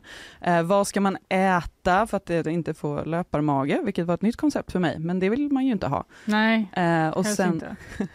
och sen, eh, ja men typ, eh, vi skickade ut en av våra reportrar och så här, med en mental coach, typ eh, tre eller fyra ställen där du kan vilja ge upp, men tänk så här så gör du inte det. Mm, Oj! Det är bra. Ja. Väldigt precis eh, bra tips ändå. Jag har faktiskt redan läst den artikeln. Alltså, Eh, Vad fylldes du av för känslor efteråt? Nej men eh, bra, de tar väl upp att man kan tycka typ att Hisingsdelen är lite tråkig, att man kan komma in i en vägg. Men jag gillar Hisingen väldigt mycket. Jag bor ju själv där, så jag känner att där kommer jag bara känna mig som, förlåt? Nej, inget. Trash är inte hissingen, eller hur? Precis. Nej, okej, så det, har, det var mer bara allmänt hat mot Hisingen i den artikeln helt enkelt. Ja, ja, precis. Ja. Nej, men jag ser ju här då på Mm. vår sajt att Lindholmen City, det är lite oklart då vad den är, eh, Götaplatsen och Slottsskogsvallen. Det är där man kan kika på sig själv. eh. Precis, och det roliga med Slottsskogsvallen är att där kan man ju se när man går i mål. Liksom, så. Ah. Eh, så det är väl kanske liksom den eh, he- peppigaste, hejigaste så. Eh, Jag tänker den tvärtom då, Götaplatsen, det är väl där man är som mest ovärdig liksom, och sprungit upp för en liksom ganska, som man inte tänker på, branta avenyn. Ja, just det. Alltså man, man kommer ju vara liksom en liten pöl av tårar framför kameran där liksom. Men du har en mentala coachen, jag förstår inte. Nej, det det här är är, sant, liksom, du det är är svar på alla frågor på Mm. gp.se, inte alls säljigt. Nej, exakt. Men eh, ni kommer ju vara på plats också som du var inne på. Var, var hittar man er om man känner att man vill liksom Ja, det, det är liksom vid eh, Slottsskogsvallen så kommer vi vid stå målet? Ja precis, så kommer vi stå, eller ja, vår eh, studio kommer Mm. stå uppe på en av läktarna och så står det GP på sidan och sådär. Mm, får man hålla Ska utkik. Eh, ni har ju också folk ute. Ja, precis. Vi har ju flera kamerateam ute. Vi har på Avenyn, vi har i Majorna, vi har på Hisingen eh, bland annat och vi har ju Slottsskogen såklart. Mm. Eh, och de kommer eh, hugga lite sköna liksom, ja, men löpare, alla hurtiga, alla trötta. Liksom så här, ser ni oss och känner att så här, ah, gud, ett stöd i loppet, så får ni jättegärna komma fram och snacka. Eh, så. Men Ja. såklart, alltså, jag är ju så imponerad av de här, till exempel ja, men brandmännen eller svensexen eller trumpetorkestern. Ja. Liksom. Vadå, vad pratar du om? Ja, det är löparna. De ger sig ut, kör loppet. Det är folk som kör i någon form av outfit. Typ. Mm. Jag tycker det är helt fantastiskt, mer sånt liksom. Varför har vi inte det här på jobbet? Vad ska Mm. du ha på dig? Nej, det blir bara vanliga löparkläder tror jag. Det var en eh, stor kanindräkt Ja, faktiskt. åh nej. Kattdräkt rätt från Met-galan. Exakt, ja Kanske. precis, inte låna den. Ja, vad bra. Du vet ju att vi kommer ta in dig i sändning och bara så här, här har vi vår... eh, Mm. Ja, det är, jag vet att det är farans väg i alla fall. Jag, jag får springa lite snabbare så att ni inte hinner ikapp mig. Du springer med eliten där i början, bara swoosha ja, förbi. precis. Ja, nu vet ju vi att du har suttit och planerat det här jättelänge så det kan vara svårt att välja något. Men vad ser du mest fram emot eh, imorgon? Alltså det är ju verkligen, alltså våra, våra kamerateam, våra reporterteam på stan. Eh, visst, liksom ni, tittarna kommer ju behöva dras med, med mitt ansikte och de intervjuerna ser jag så otroligt mycket framåt, alltså människorna man möter. Men framförallt liksom det som händer på stan. Det är ju inte bara liksom en löparfest, det är ju också verkligen en publikfest. Ja, just det, för alla som mig Mm. som Ja. bara kommer eh, vara, vara omkring och få lite, lite energi. Ja, ja. Men du, en fråga till. Elitloppet, ser man den också i sändningen om man liksom vill se de bästa av de bästa? Självklart, självklart kommer man göra det. Och det börjar ju då, vi kommer liksom peppa upp lite, peppa upp eh, tittarna, löparna, reporterna där i början och sen så är det rakt på Elitloppet. Vi kommer ha en eh, expertkommentator. Eh, och så här, jag vill verkligen understryka att så missa inte vem eh, expertkommentatorn är. Va? Alltså hur kan du inte avslöja det här nu? Nu blir jag... Ja, Jag, jag, nu skäms jag lite men jag vet inte om jag har godkänt på det. Jo men det har jag. Säg det bara. Vad ska hända? Jag, jag tar på mig. Ja. Kristoffer Ahlqvist, du får skälla på mig om eh, det här inte var okej. Ja men det är Musse. Är det Musse? Ja.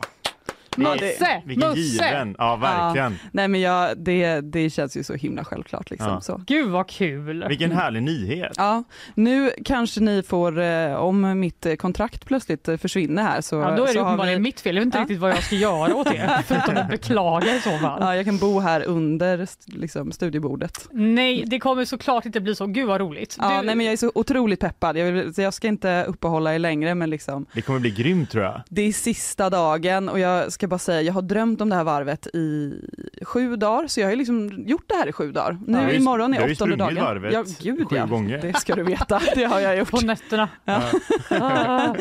Ja, men vad, Sofia Magasaki, det lå- låter som att det är nästan omöjligt att undgå GP eh, imorgon på Mm. olika sätt. På På, det sätt. bästa sättet menar jag då. Ja men gud, alltså det här är ju, det här är en sån himla stor satsning och det ska ju sägas att det här kommer liksom, det är inte, det här är ju flera år framöver, eller ett par år framöver så kommer man ju kunna se det här hos oss, så Mm. det vore så himla kul liksom att bara liksom fånga den här chansen, kolla på den här storsatsningen, Mm. studio, gäster, kamerateam på fält, stadsdelskamerorna, alltså det, det kommer bli en, det kommer bli en tv-fest också. Mm.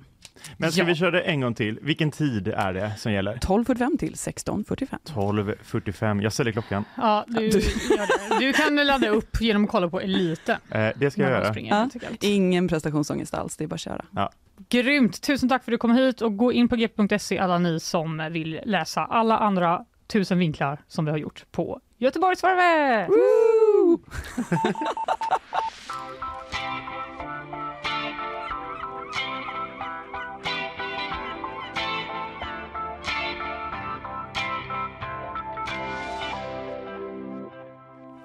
Eh, jag, jag såg att du försökte dricka lite kaffe men det hinner du inte Nej, för vi ska är ha en till gäst! Frida Rosengren! Frida, Frida, Frida. Hej och välkommen till det här.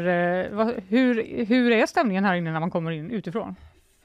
Nej, men, nu glömde jag ju din mick igen. Alltså herregud. Vad sa du? Den är fröjdig. Fröjdig! Det, Det var inte ordet jag trodde att du skulle Nej. säga. men jag jag blir glad. Ja. Vad trodde du att jag skulle säga? Typ hysterisk Ja. kanske. En fröjdig fredagskänsla. Ja. Mm, Ha, hur är din fredagskänsla? Eh, Bra, jag börjar med att springa hit Mm. eh, eftersom att varvet är på gång. Mm. Så att eh, nu känner jag, nu är jag igång. det bara genomsyrar allt Göteborgsvarvet här på GP. Psykosen är liksom Total. fullständig. Men eh, du har ju varit här igen, eller igen, förr och pratat om vad ska man göra på helgen? Och eh, vi kommer helt enkelt tvinga dig att eh, göra det återkommande i det här programmet. Underbart. Du är helt enkelt vår eh, designerade fredagsfeelingsredaktör. Känns det bra? Jättebra. Du bara, eh, va? Vi ska helt enkelt bara gå rakt på ett litet helgsvep. Mm. För alla vi som inte ska springa varvet eller kolla på Eurovision. Just det. Vad ska vi göra? Det är jättebra. att Finns det något för oss att göra? jag kommer nog börja med något som har med varvet att göra, Mm. tyvärr, eh, höll jag på att säga. Men man måste ju, ja, strunt samma. Eh, för första gången kommer det nämligen att vara ett liksom, officiellt after run-område. Eh, som Jaha. eh, Göteborgsvarvet liksom har ett samarbete med Poppels, alltså ölbryggeriet. Jaha. Där det kommer vara, alltså det är liksom 1300 kvadratmeter med foodtrucks och och eh, öl av, eh, även utan alkohol får jag anta. Det låter så trevligt. Och livemusik och underhållning dessutom. Och detta är liksom hela dagen, alltså från 12 till 8 på kvällen. Vad är det för livemusik? Fy vad trevligt. Eh, det har de inte avslöjat än. Nej. De Är det Musse? Nej jag skojar. Springer in och sjunger en liten sång efter att ha varit i GP-sändning. Kanske? Det låter ju faktiskt toppen eller? Vad, är det liksom på vid Slottsskogsvallen då? Ja, eh, bra fråga. Nej, men det är vid start och mål eh, eh, området precis i Mm. Slottsskogsvallen. Mm. Eh, jag tror det heter Dalens grusplan eh, eller något sånt. Ja, men vid- vid start och mål. Det Man kanske kommer är den det parkeringen där då? Ja, just det. Där den här loppisen brukar vara? Där man lämnar in sina väskor om man vet vad det är. Jag har inte sprungit så jag... Nej, jag vet inte heller, men det, lå- det, det, kan, det låter inte som det borde vara så svårt att hitta om det ska vara en stor fest där med Precis, Där festen och, i folkfesten är. Exakt. Ja, och start och målområdet bör man kanske ha koll på. I alla fall om man är där för att titta på någon eller springa. Ja. Eh, men det här är alltså öppet både för folk som inte springer. ja, det var min nästa fråga. Eh, Blir man liksom shamead om man bara går dit så jätteuppklädd i typ klänning? Och bara helt uppenbart inte har sprungit ett lopp? Det tror jag inte. Sen har de i och för sig skrivit själva att så här, skippa duschen och den fina middagen på stan och kom hit för en svettfest. Det låter inte alls Och trevligt. där blev jag lite... Det, det är väl det sista man vill göra efter man har sprungit eh, 21 kilometer. Ja, men det här är väl att du bara ska liksom direkt, du ska inte få det här avbrottet hinna gå ner utan du bara springer Mm. in i, i armarna på, på en Kollapsa svettig massa. Men i och för sig att jag tror att det är helt rätt för att om man går hem efter att ha sprungit Ja, ett halvmaraton, det är ju inte som att man bara drar nog tillbaka till målområdet och festar. Nej, det är. Då är det ju kört liksom. Man måste nog springa rätt in och ta en öl. Eller det vet jag inte om det är hälsosamt, men eh, kanske dricka vatten först. Sen ta en Det är väl vatten i öl? Det är det verkligen. Ska inte du springa? Jo. Det känns som du ska ha koll på det här. Du bara, ja det är säkert en bra idé. Är det inte vatten i öl? Säger löp-Viktor. Exakt. Ja men vad grymt. Okej, om man eh, vill, eh, inte är sugen på att springa eller vara i närheten av svett, finns det något annat man kan göra då? Eh, ja, eh, jag tänker att man kan bege sig ut till Ringan. Mhm. Och eh, alltså, det, det har ju ja, varit lite, man det känns som att det varannat år kommer ett reportage som är så här, nu ska Ringen bli ett riktigt hippt stråk där alla är hela Det har vi tiden. hållit på med i tio goda år åtminstone. Det, det dyker upp med, med jämna mellanrum, men nu tycker jag ändå att det känns som att det lite mer på gång Okej, eh, denna sommaren. Jag tror på det. Ehm, I och med att ja, men de har ju återhämtat sig sedan den här branden 2021 när det, den klubben som skulle öppna hjärtat, hjärtat, eh, ja. blev inget kvar, Just det. jättedeppigt. Ja det var faktiskt hemskt. så det känns som att nu är det liksom deras tur att få besökare. Men eh, så palatsot på Ringarna, alltså det här, eh, vad ska man säga? Jag vill säga kreativt kontorshotell. Men det Jag tänkte skulle- säga, är det inte bara reklamare? Men eh, Ja, Jag det tänkte är att kreativa det, reklamare. det jobbar massa kreativa människor som kanske hyr in, det finns lite studior och ateljéer och sådär. Ja. Men det finns också bar och restaurang och som nu då har öppet en stor liksom, uteserveringshöng varje lördag på en jättestor brygga Nej men eh, med liksom vid älven så att man har Jag har faktiskt varit där. Har det är supertrevligt. Vatt, alltså det är ju väldigt få, det här har vi ju klagat på innan i showen faktiskt, att det är så svårt att typ ta en öl vid vatten i den här hamnstaden. Ja. Det finns ju typ inga eh, uteserveringar som är vid vatten. Eller inga ska jag inte säga, men väldigt få. Mm. Och ofta måste man åka ganska långt. Antingen måste du åka Ut. långt eller så måste du åka en färja till Danmark. Typ, att, eh, Exakt, och ja. det kanske man inte orkar varje helg. Nej, inte varje helg. Det känns inte hållbart. Då Mm. kan man ju åka över till ringen helt enkelt. Det är alltså det här stora huset som man ser liksom bredvid bron, till höger om bron.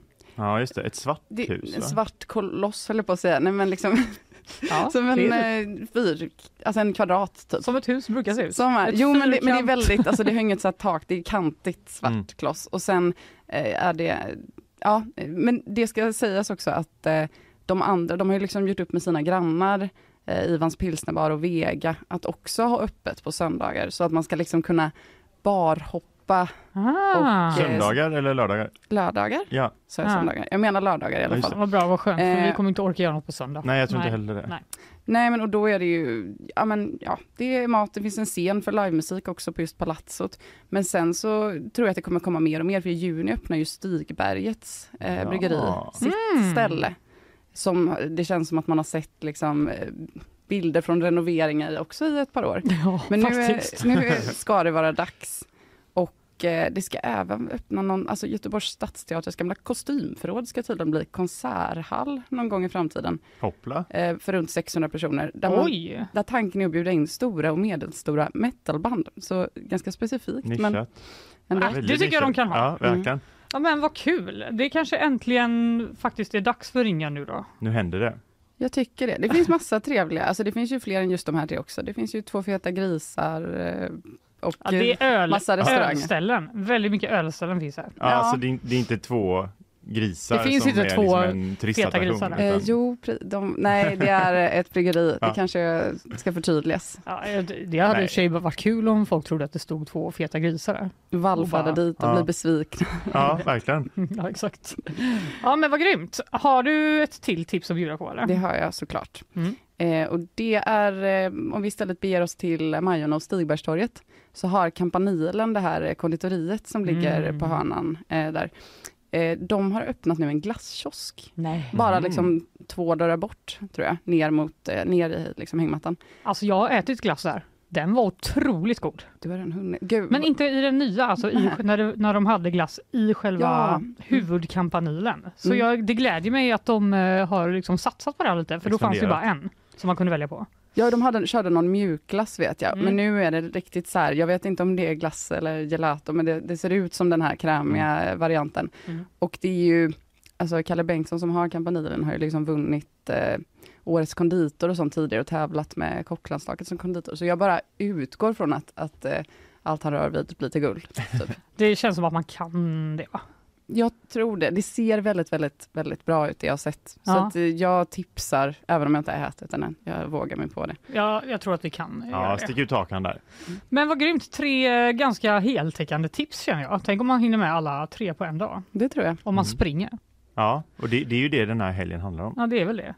Vi ska släppa iväg dig, men bara på volley, har du något mer krogskvaller? Något nytt som har öppnat? Något som har stängt? Det har jag ju alltid, eh, men eh, jag tänker vad...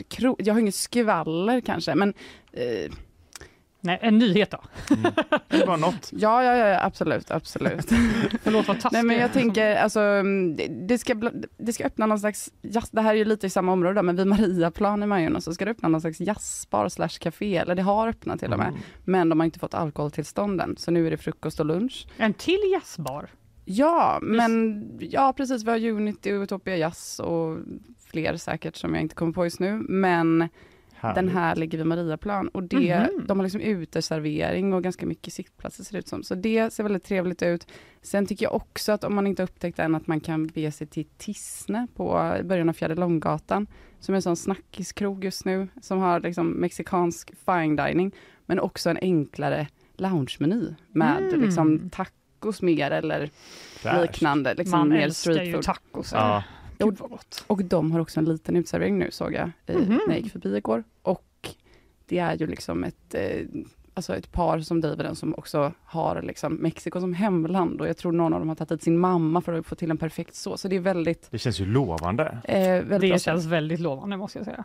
Och med fokus på cocktails också. Hur ska man, Ooh. det är så mycket att välja mellan i helgen alltså. Ah, tur det kommer fler helger. Ja. De bara fortsätter och fortsätter. Frida, tusen tack för att du kom hit idag. Vi ses snart igen helt enkelt. Tack, tack.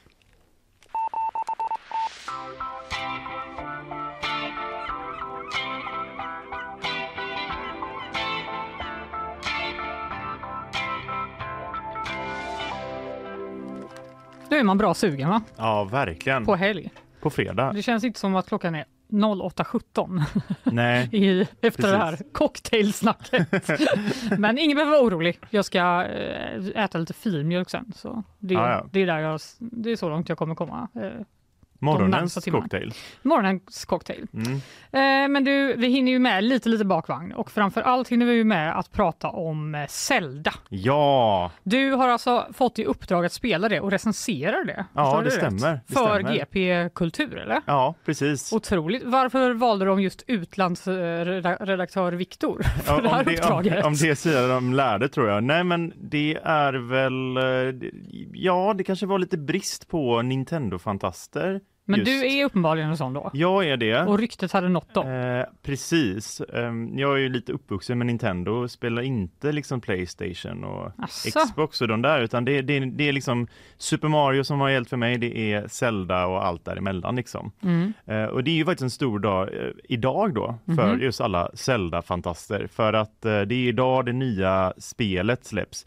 Legenden om Zelda, Tears of the Kingdom.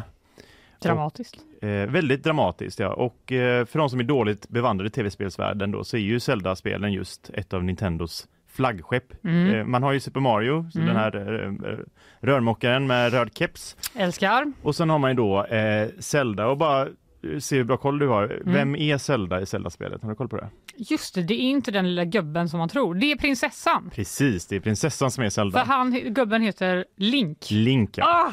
Och om man Jag bara... är- Kommer du få en sån flashback från Ja. barndomen nu? Men typ att jag spelade på datorn eller? Asså, ja. Var det typ något olagligt? Det då? kan vara, men jag menar herregud. Äh, jag alltså, typ det, var ju, det, var ju, det var ju tv-spelens linda. Ja, det var det liksom då, så att, eh, ja, det, du är nog förlåten. Mm. Ja, men spelidén är ganska lätt överlag med den här serien. Man, eh, man är den här Link då, Mm. eh, som ska på något sätt hjälpa eller rädda prinsessan Zelda från en mystisk ondska. Så tar man på sig sin eh, eh, röda topplu- nej, gröna toppluva Mm. och eh, sitt svärd och sin sköld och så ska man ge sig ut för att rädda henne då. Mm. Eh, och den har kommit i många olika former och berättelser den här spelserien och Nintendo har varit ganska duktiga på att förnya det så att även fast det är typ samma sak så känns det fräscht liksom. Och vad är då speciellt med dagens release, Tears of the Kingdom? Mm. Jo, det är att det är en direkt uppföljare, vilket också är ovanligt eh, i den här serien. Att det brukar vara ganska fristående spel som, eh, eh, som inte har med varandra att göra. Liksom, med, alltså det finns ju en lore såklart, Mm. alltså om man nördar ner sig och det finns olika tidslinjer och så här. Men, men det här då, Tears of the Kingdom, är en direkt uppföljare till deras braksuccé eh, Breath of the Wild, som är deras senaste Zelda-spel Mhm. då. Det släpptes 2017 och var liksom en revolution i den eh, liksom spelvärlden då för Zelda. Mhm. För att i Breath of the Wild, då, den som kom ut 2017, så spelar man Link i en så kallad open world. Mhm. Det är att man egentligen mer eller mindre har tillgång till liksom hela spelvärlden då i det här spelet på en gång. Mm. Eh, i, tidigare så har det varit så här att ja, men du måste göra punkt ett för att kunna göra punkt två. Ja, du låser liksom punkt upp du låser upp banor. stora delar av liksom banorna eller världen. Men här, här skulle du potentiellt kunna från första minuten sticka iväg och försöka liksom eh, rädda Zelda. Men ofta ser man ju då kanske för svag då för att eh, man måste liksom öva upp sina färdigheter för att ha en, en rejäl chans då. Mhm. Och så finns det väldigt mycket upp, upptäcka då i den här världen och då har ju många undrat sig liksom hur ska det här nya Zelda-spelet kunna toppa det här? Det är en direkt uppföljning. Vad är nytt liksom? Hur, hur ska man liksom kunna bli begeistrad över det här? Mm. Men Nintendo har varit duktiga. De har eh, släppt eh, trailers redan sedan 2019 på det här och sen varit väldigt förtegna om vad spelet ska handla om. Mm. Men nu är det då släppt och jag fick ju då pröva och spela det redan igår och jag kan säga att eh, än så länge så ser det lovande ut. De har lyckats förnya sig och Mhm. eh, det är av de recensioner jag sett hittills så ser det ut som att eh, de eh, ja, klarar sig ganska väl Nintendo här att ha en ny kassako då och se fram emot. Vad kul. De har ändå haft sex år på sig då. Ja, det har de haft. Men det kanske inte är så länge i den här eh, typen av... Ja, det, det beror väl lite på, men nej, inte i Zelda-världen och liksom, jag ska inte spoila någon handling här då, men, Nej, men det det ja. jag kan liksom säga är ju då, liksom redan i början då, så, så är man, för, för då i förra spelet, då lyckas man ju såklart rädda Zelda. Mm. Så att det är liksom, vadå, ska han tappa bort Zelda nu igen liksom? Och då bör- Varje nytt spel bara men exakt. Zelda, vad fan är det någonstans? Och- så börjar det om från början. Ja men typ, och här får man vara med lite innan då, för då, då, då går man tillsammans med Zelda och utforskar massa katakomber under kungarikets stora slott då. Och då är det liksom en mystisk dimma som väller ur den här eh, katakomberna då, man går djupare och djupare ner.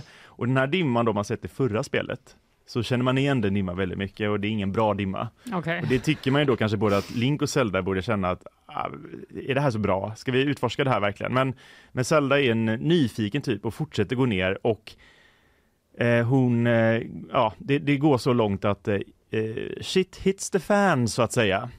Och eh, då blir det dags för eh, Linkan här då och eh, ge sig ut på strövatåg igen för att eh, rädda prinsessan. De, de, de kommer på olika vägar helt enkelt i detta.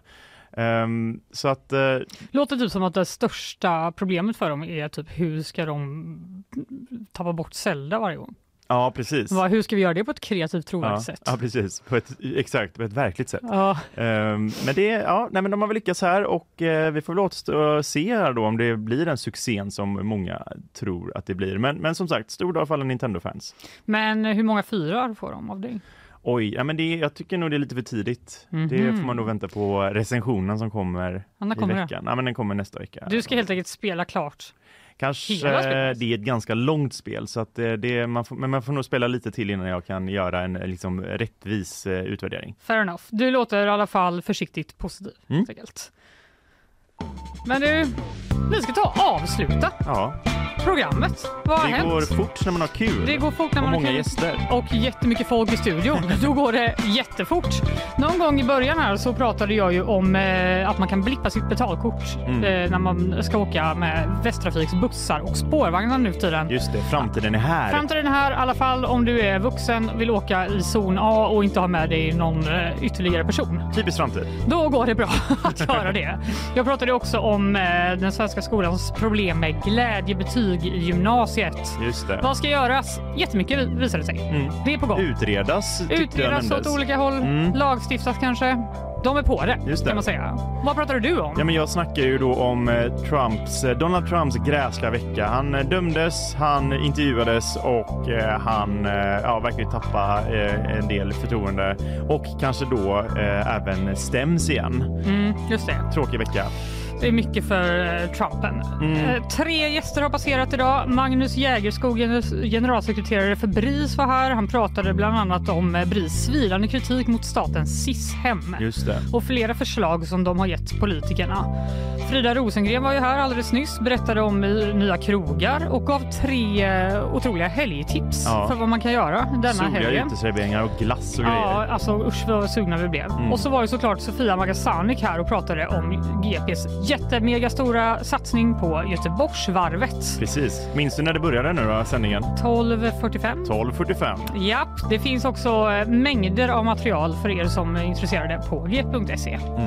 Producent och researcher idag var Carl Jansson. Nyhetssvep fick vi av eh, Isabella News Persson. Och så var det ju jag, Fanny Wijk, och du Viktor Blomdahl. som var här. Och vi önskar er en riktigt, riktigt god helg. Trevlig helg, ta det lugnt i löpspåret. Och elda inte.